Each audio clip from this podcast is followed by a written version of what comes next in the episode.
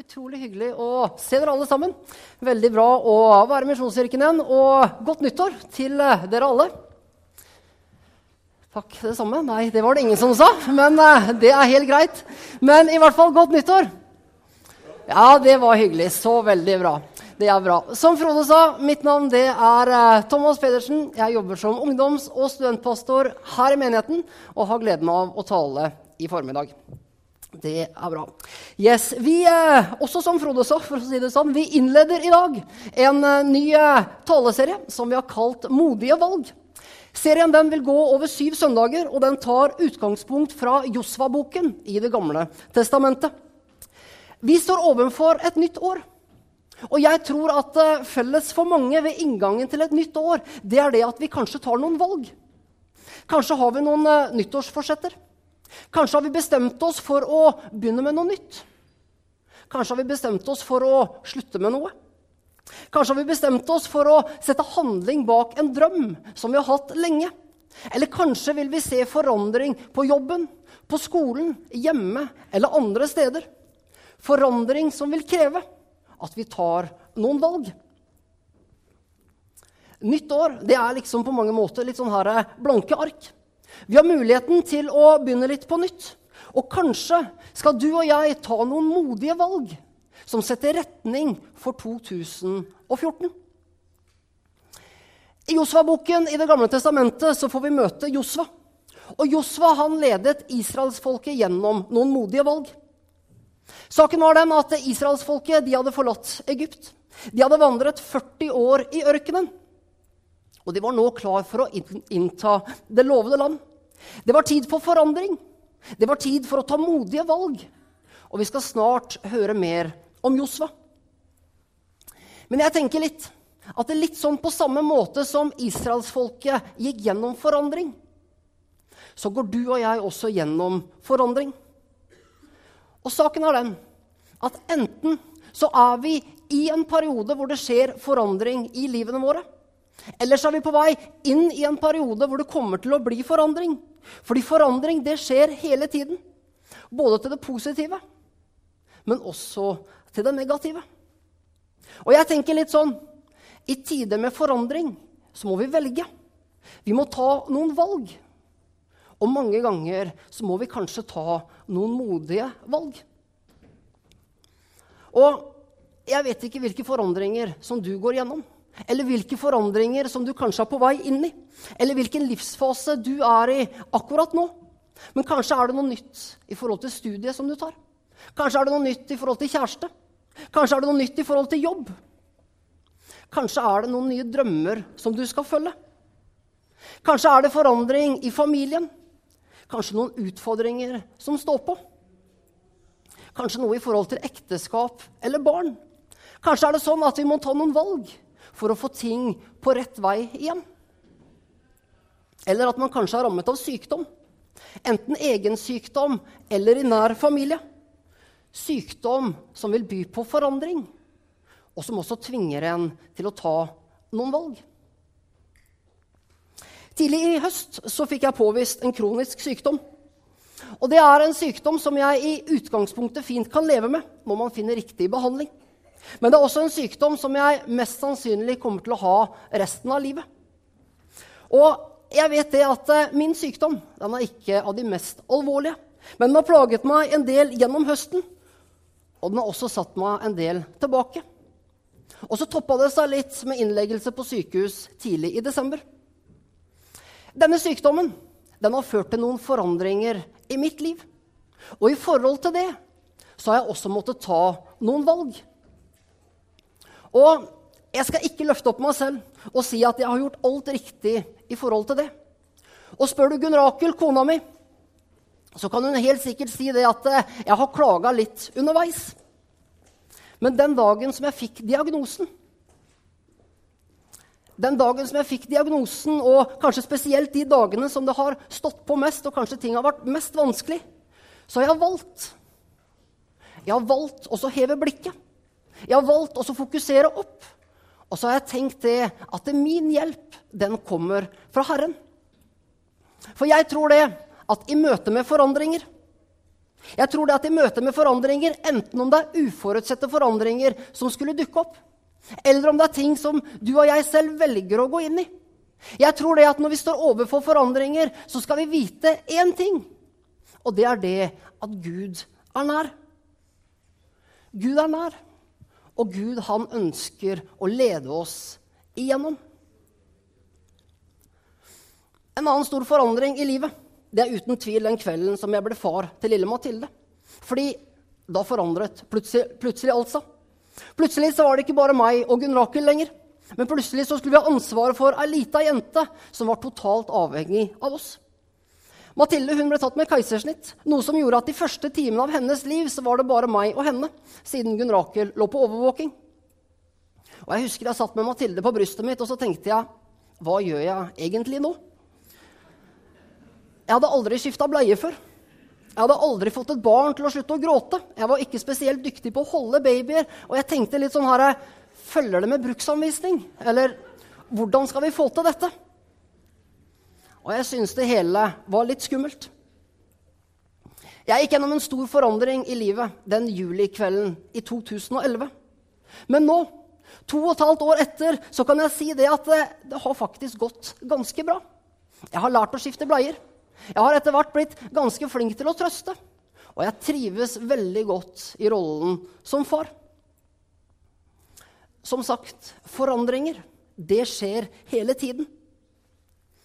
Og så har jeg lyst til å spørre deg hvilke forandringer går du gjennom nå? Eller hvilke forandringer er du kanskje på vei inn i? Står du overfor forandringer som krever at du tar noen modige valg? Har du drømmer som krever noen modige valg? I møte med forandringer, i møte med det ukjente, i møte med nye drømmer, så tenker jeg vær modig og sterk. For 30 år siden så satt tre ungdommer sammen, og de satt og planla framtiden. De bestemte seg for at eh, en dag så skulle de styre landet. Og i ettertid så har disse tre ungdommene tatt noen valg og ja, de har også tatt noen modige valg i forhold til den drømmen. I dag så er Trond Helleland blitt parlamentarisk leder i Høyre. Jan Tore Sanner er blitt kommunal- og moderniseringsminister. Og Børge Brende er blitt utenriksminister. Som tiåring så sto den tidligere skihopperen Johan Remmen Evensen på toppen av Vikersundbakken sammen med pappaen sin. Og Johan Remmen Evensen han så på pappaen sin, og så sa han en dag sa han, en dag så skal jeg sette verdensrekord i denne bakken. Og den 11. februar 2011 så hoppet Remmen Evensen 246,5 meter i Vikersundbakken.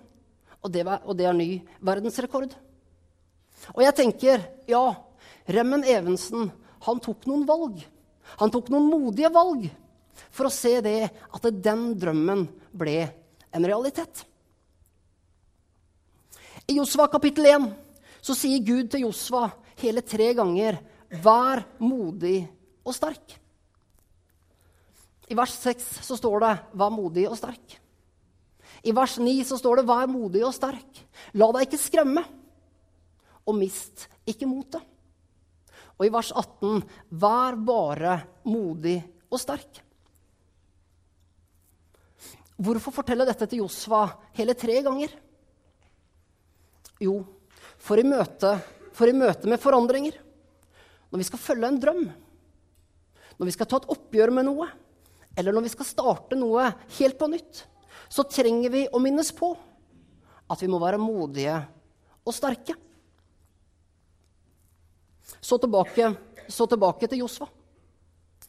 I Josva kapittel 1 så står altså israelsfolket på terskelen til å innta det lovede land.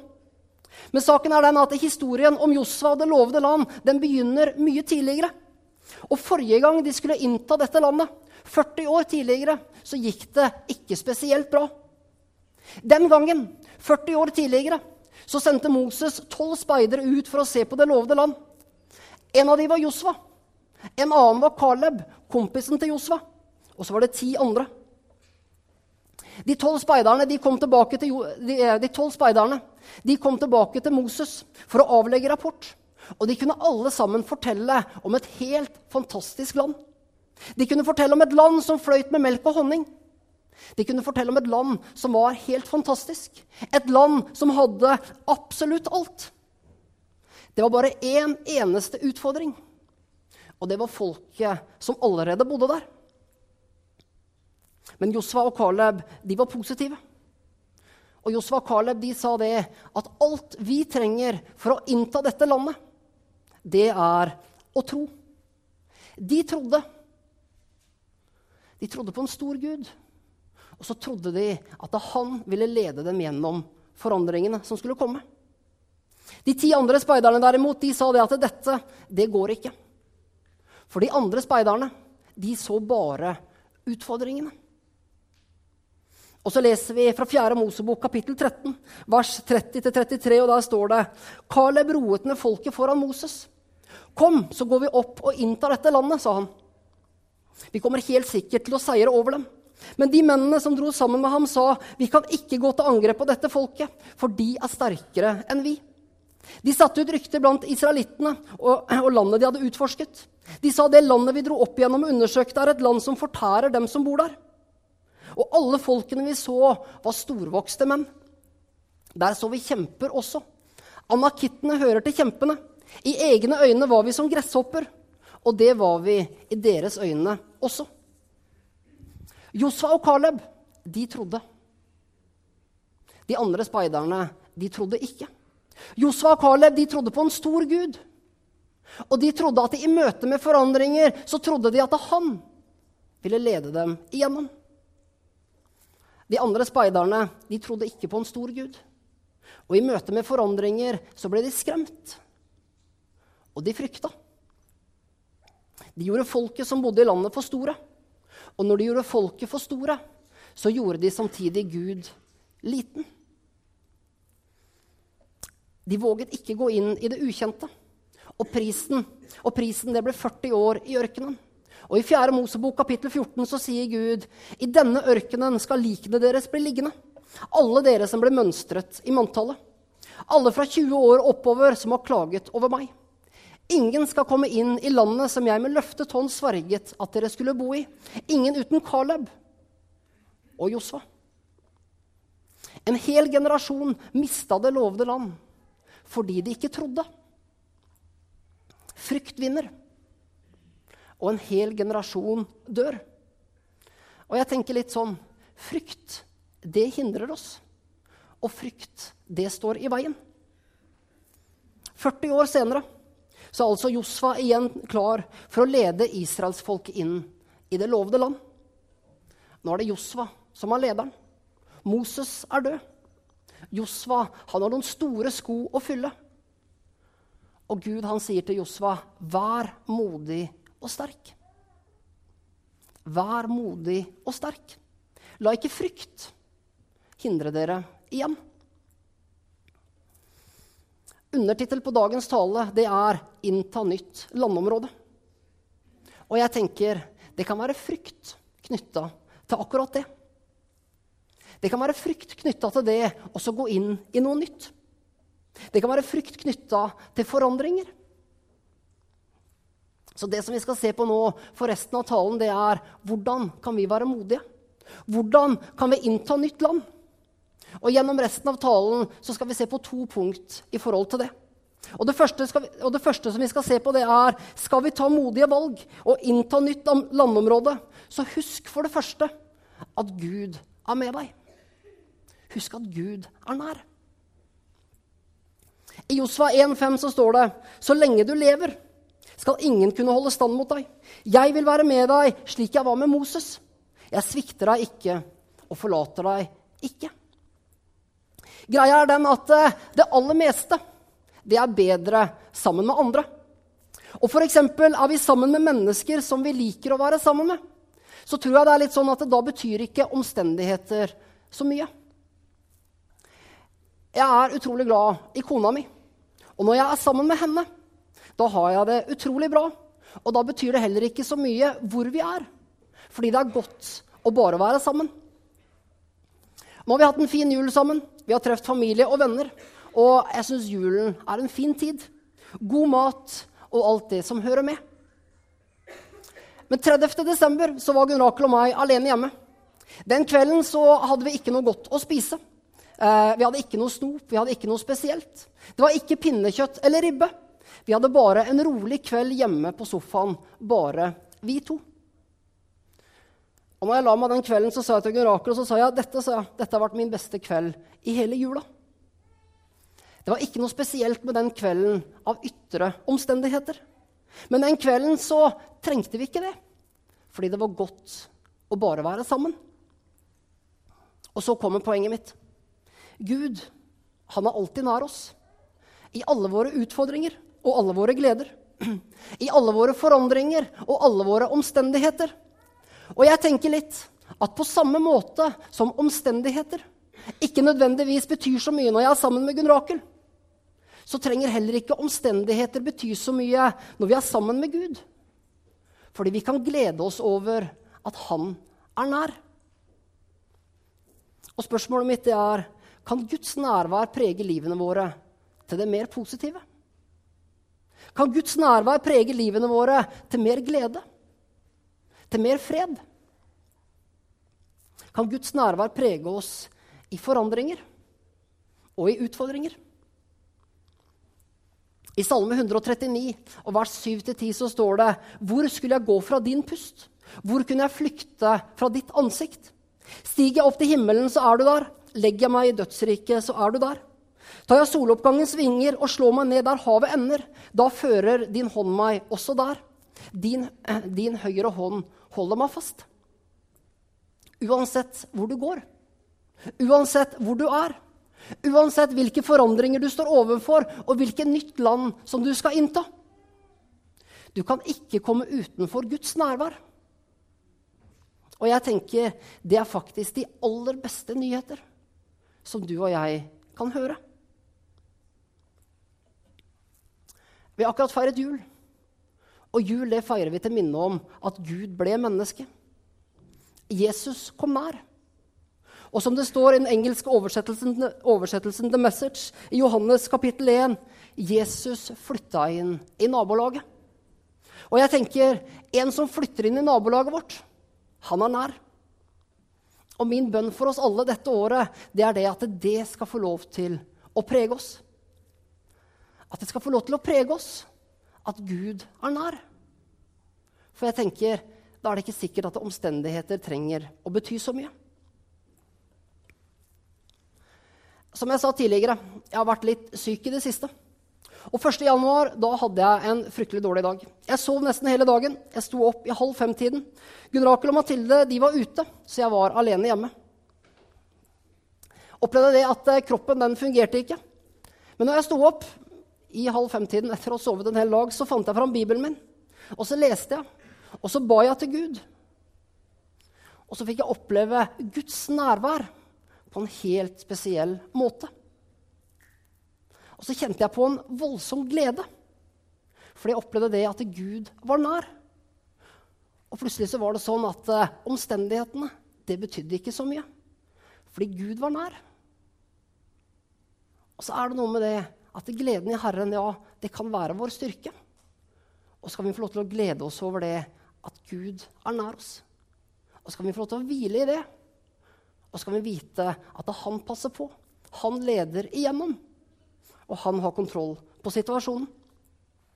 I Hebrebrevet kapittel 4 vers 16 så står det La oss derfor frimodig tre fram for nådens trone, så vi kan finne barmhjertighet og finne nåde som gir hjelp i rette tid.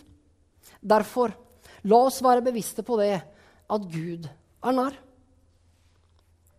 Be korte bønner til ham i hverdagen og erfar Guds fred midt i ulike omstendigheter og utfordringer. Vær modig og sterk. Hvordan innta nytt landområde? For det første, husk at Gud er med deg. Hvordan står vi best rusta til å møte forandringer, utfordringer, kriser som kanskje måtte komme? Husk at Gud er nær, og husk at Gud er med. For det andre, når vi skal innta nytt land, Les Guds ord. I Josva kapittel 1, vers 7-8 så står det Vær bare modig og sterk. så du trofast følger hele den loven som Moses, min tjener, påla deg å holde. Vik ikke av fra den, verken til høyre eller venstre, så, så skal du lykkes overalt hvor du går.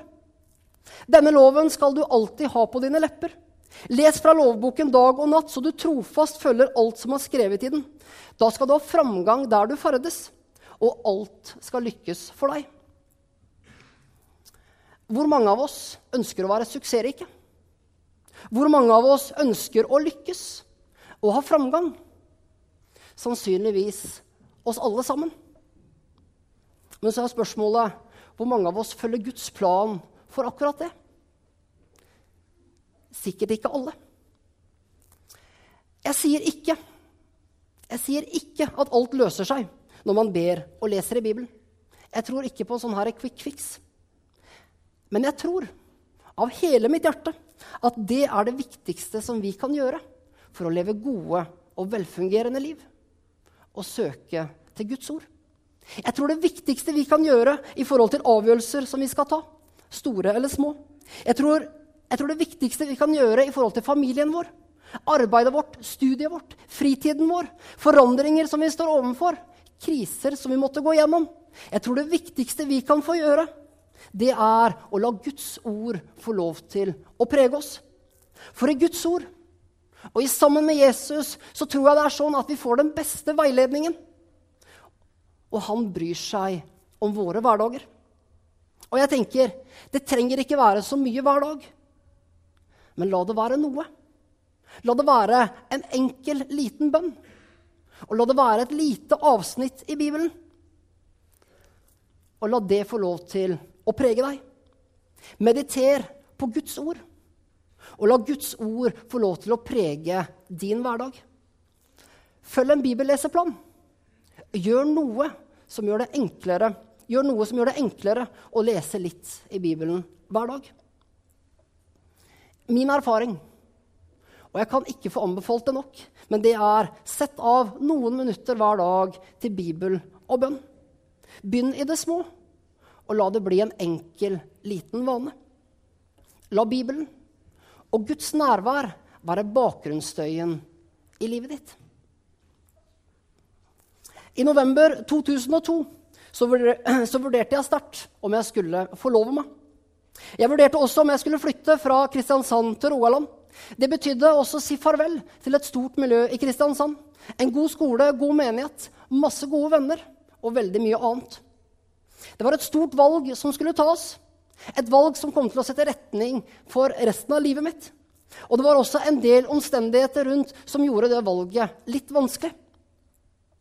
Men jeg ba over dette. Og så leste jeg i Bibelen. Og så fikk jeg et bibelvers som på en måte slo litt sånn her ned i meg, og som har fulgt meg siden. Og der sto det Se, jeg har satt foran deg en åpen dør som ingen kan lukke. Og det var den bekreftelsen som jeg da trengte.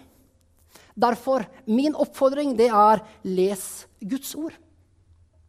En annen gang så skulle jeg ut på lang kjøretur. Da var jeg ikke helt sikker på veien. Jeg slo også da opp i Bibelen, og da fikk jeg verset 'Han dro av sted uten å vite hvor han skulle'.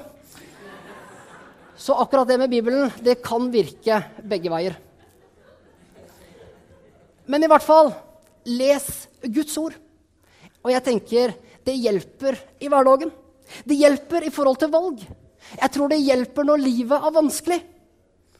Og så hjelper det når vi skal innta nytt land, og når vi står overfor forandringer.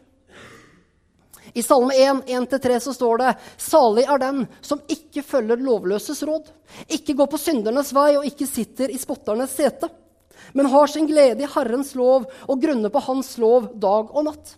Han er lik et tre plantet ved rennende vann det gir frukt i, i rette tid, og løvet visner ikke. Alt han gjør, skal lykkes. Lykkelig er den mann, og lykkelig er den kvinne, som har sin glede i Herrens lov, og som grunner på den. Så helt til slutt hvilke forandringer er du på vei inn i? Hvilke forandringer er du i, kanskje akkurat nå? Her er Guds ord til deg i dag. Og den viktigste tingen som vi kan ta med oss fra dagens tale, og det er vær modig og sterk. Hvordan lykkes vi best når vi skal innta nytt land? For det første, husk det at Gud er nær. Husk at Gud er nær. Husk at han aldri svikter. Husk at Gud er nær og leder gjennom forandringer. Uansett. Og for det andre, les Guds ord. Og la Guds nærvær og Guds ord få lov til å være bakgrunnsstøyen i livet ditt. Gjør det til en enkel, liten vane, noen minutter hver dag, til å søke Gud. Erfare Hans nærvær. Og så lese noen minutter i Bibelen. For jeg tror, jeg tror av hele mitt hjerte at det er det viktigste som vi kan gjøre for livene våre. Skal vi be sammen? Himmelske Far, jeg takker deg, Herre, for at du er nær. Jeg takker deg, Herre, for at du aldri svikter. Jeg takker deg, Herre, for din godhet. Jeg takker deg, Herre, for din storhet. Og jeg takker deg, Herre, for at du leder oss gjennom alltid, uansett. Takk for det, Jesus. Og Jesus, du kjenner oss alle sammen. Du ser hvor vi er i livet akkurat nå. Du ser eh, hvilke forandringer som vi kanskje går gjennom akkurat nå. Du ser hvilke forandringer som kanskje måtte komme opp. Takk, Herre, for at eh, du ønsker å lede oss igjennom. Du svikter ikke. Jeg takker deg for det, Jesus. Kom, Herre. Og så ber jeg, Herre, din velsignelse over oss alle sammen i ditt navn, Herre. Og jeg ber din velsignelse, Herre, over det året som nå ligger foran oss. Takk, Herre, for at du leder oss. Takk for at du er nær. Og takk, Herre, for at vi kan få lov til å glede oss over ditt nærvær. Alltid. I Jesu navn. Amen.